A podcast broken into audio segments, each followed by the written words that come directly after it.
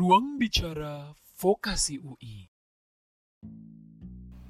Halo kawan Fox, baik lagi bersama aku Indi di podcast Ruang Bicara UI. Nah, hari ini aku mau ajak kalian nih buat bahas mengenai apa sih itu brand dan branding. Penasaran kan? Yuk, kita langsung aja nih tanya-tanya sama salah satu narasumber kita kali ini, yaitu Mbak Besti Priyandini. Beliau adalah salah satu dosen pada program studi periklanan kreatif di Universitas Indonesia. Selamat sore Mbak Besti. Halo, selamat sore Indi. Oke, um, sekarang kan uh, aku udah sama Mbak Besti nih sore ini. Nah Mbak Besti, hari ini itu kita kan mau bahas tentang brand and branding ya. Aku mau nanya nih Mbak, uh, Mbak Besti ini kan hmm. dosen dari uh, vokasi D3 uh, program studi periklanan ya Mbak? Iya, periklanan kreatif. Iya, sesuai dengan tema nih hari ini kita mau bahas tentang brand dan branding. Oh, boleh dong Mbak Besti mm -hmm. uh, jelasin pengertian brand dan branding sendiri itu apa sih Mbak Besti? Gini, kalau biasanya aku sebelum jelasin brand dan branding itu kalau menurut Indi kalau dengar kata brand tuh yang terlintas di pikiran kita apa sih? Uh, mungkin kayak sebuah brand dari ya merek sebuah perusahaan kali ya dan brandingnya sendiri itu lebih kayak ya brandingnya itu gimana caranya kita uh, menaikkan nama brand itu? Nah ini yang kadang hmm, kalau misalnya kita sebagai orang awam mengingat dan mengenal brand itu sebagai merek gitu. Sedangkan kalau misalnya dari sisi teoritis brand itu bukan cuma merek loh gitu tapi segala sesuatu yang melekat pada brand tersebut. Jadi nanti kita kenal ada yang namanya istilah brand name atau nama mereknya, nama dagangnya. Ada lagi brand identity atau identitas dari si brand itu. Nah, identitas pun kan luas. Ada yang namanya kita ingat warna dari satu brand. Kita ingat juga uh, misalnya logo dari brand itu. Kita ingat juga kalau misalnya kita lihat materi komunikasi ya iklan dari situ saja kita bisa tahu bahwa kayaknya itu tuh iklan dari brand ini gitu. Jadi sebetulnya kalau misalnya kita bahas soal brand, brand itu diibaratkan adalah kamu, Anda atau saya. Jadi brand itu keseluruhan dari ujung rambut sampai ujung kaki. Kalau brand itu manusia ya, kita ibaratkan seperti itu. Jadi segala sesuatu yang melekat di situ itu adalah brand gitu. Terus kalau ada pertanyaan lagi, kira-kira kalau branding sendiri apa sih Mbak? Dikasih imbuhan dari brand nih, dikasih imbuhan ing gitu kan? Nah, jadi kalau misalnya kita dengar istilah branding itu segala sesuatu yang dilakukan oleh satu brand. Kenapa dibilang segala sesuatu? Semuanya. Jadi misalnya kayak ada satu brand, itu adalah produk, dia mau melakukan komunikasi, mau melakukan pemasaran, mau bikin apa namanya ada yang namanya after sale service itu dinamakan branding. Tapi ketika dia tidak uh, memilih untuk tidak melakukan apa pun, itu juga namanya branding. Jadi misalnya ada kayak uh, satu produk jualan gitu. Nah, terus um, ada yang komplain nih, ada yang komplain sama si orang yang mau komplain ini nyari kontak kontaknya nih. Gue kalau mau komplain ke mana gitu. Nah, ketika misalnya brand itu menanggapi itu dinamakan dengan branding. Oh nanti jadi orang kayak oh berarti after sale service-nya bagus ya gitu. Atau dia memilih untuk tidak melakukan apa pun. Itu juga branding. Jadi lebih singkatnya itu. Jadi kalau misalnya brand adalah kamu kita anda sedangkan branding itu ya segala sesuatu yang kamu lakukan itu namanya branding. Mau tujuan kita dan apa namanya hasil akhirnya membangun brand atau justru malah menjatuhkan itu adalah branding gitu sih. Oke, makasih Mbak Besi atas penjelasannya. Berarti brand dan branding itu udah pasti berkaitan ya Mbak? Berkaitan satu sama lain. Berarti perbedaannya tadi udah dibilangin Mbak Besi juga kalau brand itu anggapannya adalah aku, kamu, dan pokoknya kita nih. Dan kalau branding itu intinya apa yang kita lakukan ya Mbak? Betul aku lanjut aja ke pertanyaan selanjutnya nih Mbak. Uh, kalau boleh hmm. tahu sebenarnya jenis branding itu apa aja sih Mbak? Ada jenis-jenis jenis. lain nggak? Ada jenis-jenis branding itu kalau yang kita kenal ada yang namanya produk branding. Jadi yang namanya satu produk mau jualan nih, terus sebetulnya tujuan akhir dari branding itu bukan cuman uh, apa namanya bukan cuman menciptakan atau meningkatkan sales dan penjualan saja, tapi tujuan akhir dari satu brand itu nantinya sesuatu yang kita namakan sebagai loyalitas melampaui apa pun. Artinya, walaupun misalnya secara bisnis dia nggak menguntungkan, tapi dia tetap jadi top of mind seperti itu. Nah, kalau misalnya dibilang jenis branding tadi, yang pertama kita kenal ada produk branding produk branding itu yang di branding adalah produk-produk baik itu jasa maupun uh, apa namanya produk gitu kan. Nah, terus yang kedua ada istilah corporate branding. Corporate branding itu apa sih? Itu biasanya perusahaan atau apa ya instansi yang memang mereka tujuannya uh, ingin tadi menciptakan loyalitas melampaui apa pun, mau itu hasilnya nantinya penjualan ataupun misalnya nanti hasilnya adalah lebih dikenal dan diingat oleh masyarakat itu juga branding. Nah, kalau misalnya untuk corporate branding itu kita kenal juga ada yang namanya brand transformation. Ada perubahan. Jadi misalnya kantor, instansi uh, mau orang mengenalnya sebagai merubah logo atau apa namanya ganti nih tadinya dikenalnya sebagai ini sekarang mereka ingin lebih dikenal sebagai yang lain gitu. Nah, berarti itu suatu corporate sedang melakukan uh, proses branding. Selanjutnya ada yang dibilang uh, personal branding. Kenapa sih yang namanya pemain sepak bola tuh sering banget gitu ada yang namanya kita kenal David Beckham dijualnya seperti apa dalam tanda kutip ya. Dia yang sampai sekarang image-nya baik sebagai atlet yang baik gitu. Ya, dia sedang melakukan personal branding Terus ada lagi yang namanya service branding. Jadi yang dilakukan brandingnya itu bukan terhadap produknya, tapi justru terhadap layan layanannya yang ingin diingat sama target audience itu kayak contohnya misalnya uh, maskapai penerbangan Sriwijaya pernah dengar?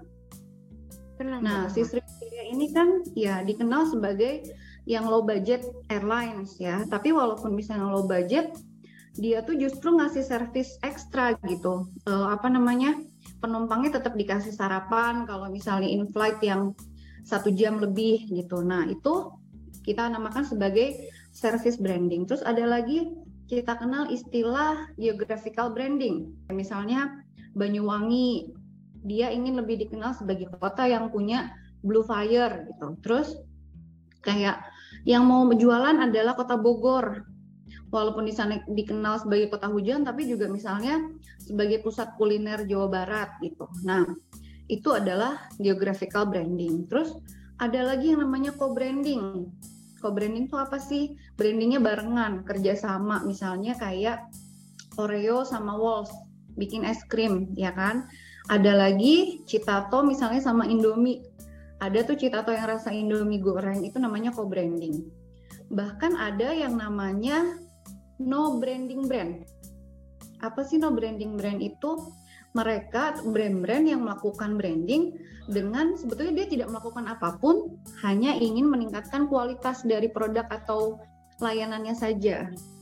Jadi dari si produk atau layanan itu ingin dikenal, oh ini tuh kualitasnya sangat baik gitu, tanpa dia melakukan apa pun, tanpa beriklan, tanpa apa namanya uh, mengadakan event ya tapi tetap dikenal sebagai brand yang memang memiliki kualitas seperti itu. Terima kasih Mbak Besti. Berarti kalau dapat disimpulkan ada lumayan banyak nih ya dari misalnya branding ya. branding produk, branding corporate, branding hmm. uh, transformation, uh, branding personal yang personal branding yang mungkin baik kita tahu juga. Terus ada service hmm. branding, ada geographical branding, co-branding dan co-branding dan brand tadi. Oh, berarti aku juga baru tahu nih ternyata branding itu banyak banget ya. Banyak banget. Iya. Oke. Oke, kalau gitu aku lanjut ke pertanyaan selanjutnya nih Mbak. Nah, manfaat Boleh. dari brand dan branding ini tuh apa sih sendirinya? Maksudnya manfaat tersendirinya tuh apa Mbak? Nah, itu tadi. Kalau misalnya manfaat dari branding, kalau aku selalu bilang um, kita tuh kan pasti punya yang namanya target jangka pendek dan target jangka panjang gitu.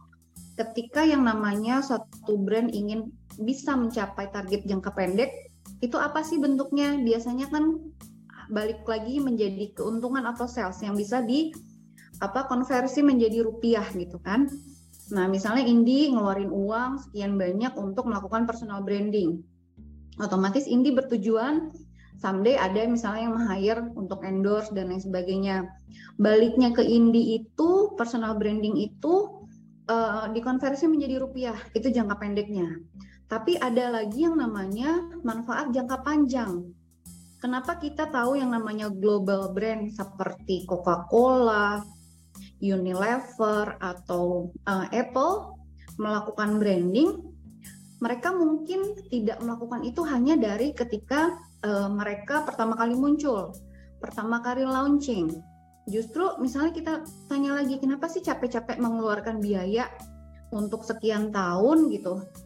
Tujuannya untuk apa? Yaitu tadi um, apa namanya? Tujuan tertinggi dari satu brand itu namanya loyalitas melampaui apa pun. Artinya, ketika orang itu sudah loyal, mau digoyang apa pun, ditawarin produk apa pun yang lain, dia nggak akan pernah berpindah ke lain hati gitu istilahnya kalau udah cinta mati itu cinta mati. Misalnya kita tahu produk-produknya Apple tuh harganya nggak murah. Kita tahu itu tuh mahal banget. Mungkin satu Apple bisa dapet 3-4 Xiaomi misalnya. Tapi karena dia sudah loyal sama brandnya, tahu bagaimana punya experience untuk menggunakan brand tersebut, mau ditawarin brand apa pun dia nggak akan mau gitu. Bahkan kalau misalnya kayak Apple launching apa namanya iPhone pertama kali lihatlah di iBox iBox Amerika misalnya. Orang sampai rela bikin tenda di samping-samping iBox itu sampai antri sampai ada joki yang dibayar untuk apa dapat antrian itu ya karena apa? Karena mereka ingin mendapatkan brand itu gitu dan kayaknya kalau Apple juga kita nggak pernah lihat iklan iPhone di TV itu mungkin hanya dalam seminggu berapa kali mereka beriklan gitu. Terus ya nggak perlu beriklan pun ketika mereka uh, mulai ngasih teaser bahwa akan produk baru dari iPhone gitu, orang udah mulai cari tahu sendiri. Dan ini tuh nggak dibayar, justru mereka yang mengeluarkan uang dan itu dilakukan secara sukarela. Nah itu kalau brand itu sudah tadi mencapai mencapai yang namanya loyalitas melampaui apa pun gitu. Oke, berarti manfaatnya memang sangat berpengaruh juga banyak ya Mbak, entah jangka pendek atau jangka panjang ya. Betul. Oke, aku mau langsung pertanyaan selanjutnya lagi nih Mbak. Nah, apakah mm -hmm. branding ini sendiri tuh berkaitan gak sih sama uh, brand identity? Kalau branding ada kaitannya sama brand identity. Pasti ada kaitannya. Karena sama seperti yang kita bahas di awal pun di kalau misalnya apa uh, brand itu apa sih? Dari ujung rambut sampai ujung kaki. Kalau diibaratkan manusia ya. Tapi kalau misalnya di satu brand ya berarti semua unsur yang ada dalam brand itu uh, adalah suatu brand. Jadi kalau misalnya ditanya logonya Telkomsel yang berubah atau logonya Gramedia yang berubah? Nah itu berarti um, brand identity-nya berubah. Perubahan itu dilalui melalui proses branding. Jadi ketika ditanya kenapa Indosat Oredo itu berubah logo, kenapa apa namanya Gramedia itu berubah logo dan sebagainya, pasti sudah melewati proses branding dan itu ada yang namanya uh, brand development, ada yang namanya brand research. Jadi nanti ditanya dulu kalau logo ini tuh gimana, apa yang diingat dari logo ini, pasti itu ada surveinya. Dia mau diubah atau berubah menjadi apa, juga pasti melewati survei tertentu gitu. Jadi nggak sembarangan atau serta merta ketika kita mengubah brand identity atau logo dari satu brand itu nggak ada survei yang dilakukan itu mustahil karena kan kita harus tahu nih target audiensnya itu sudah mengenal siapa sudah mengenal logo itu sebagai apa kayak misalnya aku tanya kalau diingat dari Telkomsel tuh warna apa? Oh Telkomsel pasti merah sih mbak. Pasti merah tiba-tiba nih nanti suatu, suatu hari Telkomsel itu diubah warnanya logonya atau brand identity-nya jadi ada warna hijau apakah si target audience nanti mengenali bahwa ketika diubah itu logonya itu tetap Telkomsel atau misalnya udah merger dengan perusahaan lain. Nah, itu uh, kenapa yang namanya brand identity itu pasti ada hubungannya atau dengan proses branding seperti itu. Oke, baik. Berarti sangat berhubungan ya antara brand dan branding dengan brand identity ini ya, Mbak? Yes.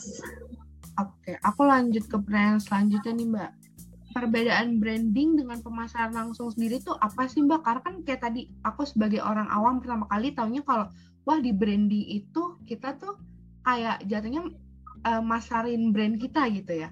Nah boleh dong Mbak sebenarnya hmm. perbedaannya apa sih Mbak? Kalau pemasaran langsung itu kan berarti um, kita kenalnya sebagai direct selling ya. Orang jualan um, bisa melalui media ataupun misalnya langsung uh, face to face selling seperti itu. Nah, itu otomatis hasil akhirnya itu berupa penjualan. Penjualan atau keuntungan. Itu hasil akhir dari satu yang namanya personal selling gitu. Sedangkan kalau misalnya kita um, mengenal istilah branding, apa sih bedanya gitu? Yang saya tadi bilang yang namanya brand melakukan branding, dia bukan hanya uh, mendapatkan keuntungan jangka pendek. Jadi misalnya selain itu tadi apa uh, keuntungannya cepat didapat, mungkin yaitu hasil akhirnya adalah dia mendapatkan kesetiaan dari para penggunanya. Jadi kalau yang namanya udah setia, kalau ibarat kata personal selling, kita tetap ngeluarin modal untuk berjualan, ya kan? Sedangkan kalau misalnya atau kita ada biaya untuk beriklan. Sedangkan kalau untuk branding itu tadi ketika misalnya indie pakai dan jatuh cinta, loyal, setia, cinta mati sama satu brand, saya nggak bayar indie. Saya, ketika saya launching uh, produk baru pasti beli dan saya pun pasti untung gitu kan jadi begitu ya Mbak perbedaannya antara brand dan mm. uh, branding dan pemasaran langsung. Oke, aku mau lanjut ke pertanyaan selanjutnya nih Mbak. Uh, ya, apakah ada faktor lain nih yang mempengaruhi brand atau branding jika kita udah melakukan branding yang baik, namun engagementnya tuh tetap gak naik gitu Mbak, tetap uh, stagnan dan menghasilkan branding output yang kurang baik. Kalau misalnya konversi akhir dari uh, kegiatan branding sebetulnya tadi bukan engagement ya. Kayak misalnya uh, personal branding yang dilakukan gitu. Tiba-tiba orang mungkin nggak nge-like postingannya uh, si David Beckham orang mungkin nggak repost postingannya David Beckham gitu tapi ketika misalnya orang itu datang ke store-nya Adidas yang ditanya pertama kali mungkin collaborationnya Adidas sama David Beckham gitu justru misalnya di belakang layar uh, si para pencinta David Beckham yang sudah cinta mati dan loyal ini tidak melakukan apa aktivitas apa pun yang ada hubungannya sama engagement di sosial media misalnya.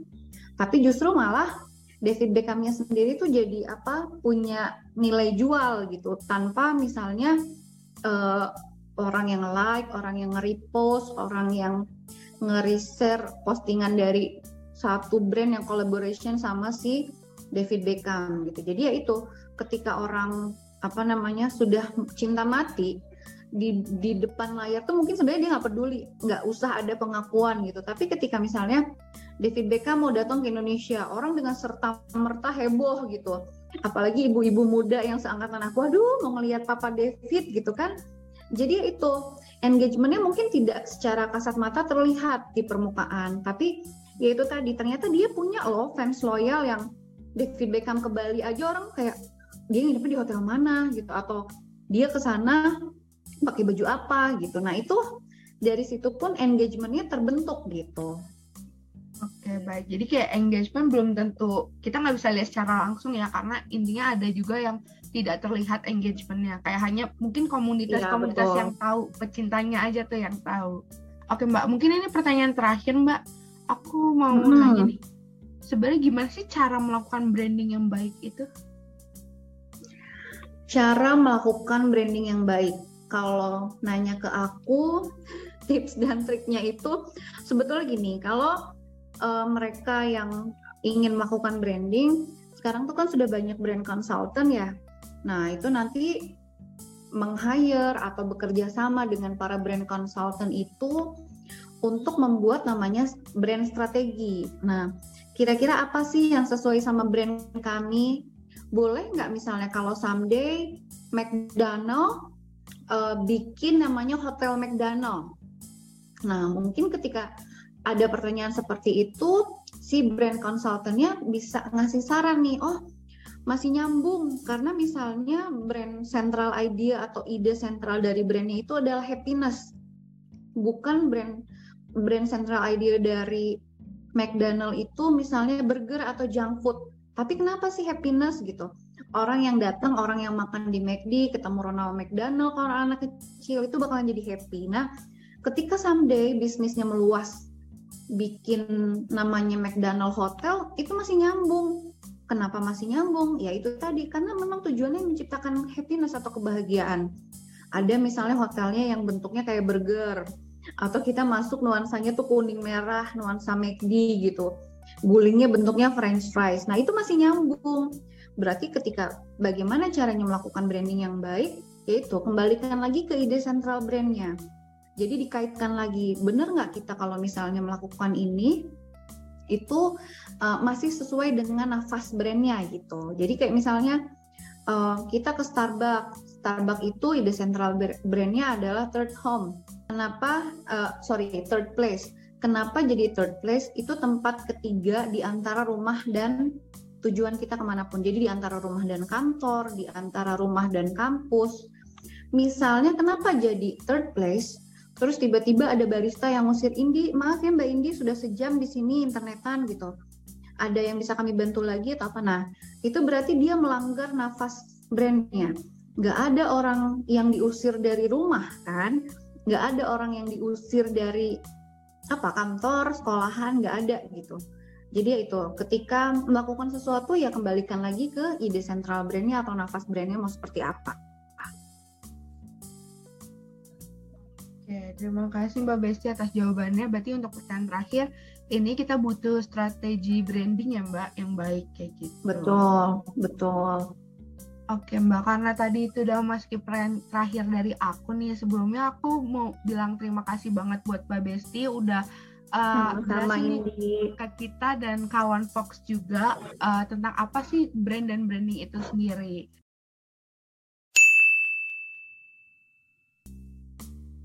Nah, itu dia hasil bincang-bincang kita bersama Mbak Besti mengenai brand dan branding. Semoga kawan Fox mendapatkan insight baru nih dari podcast kali ini. So, thank you and see you in the next episode.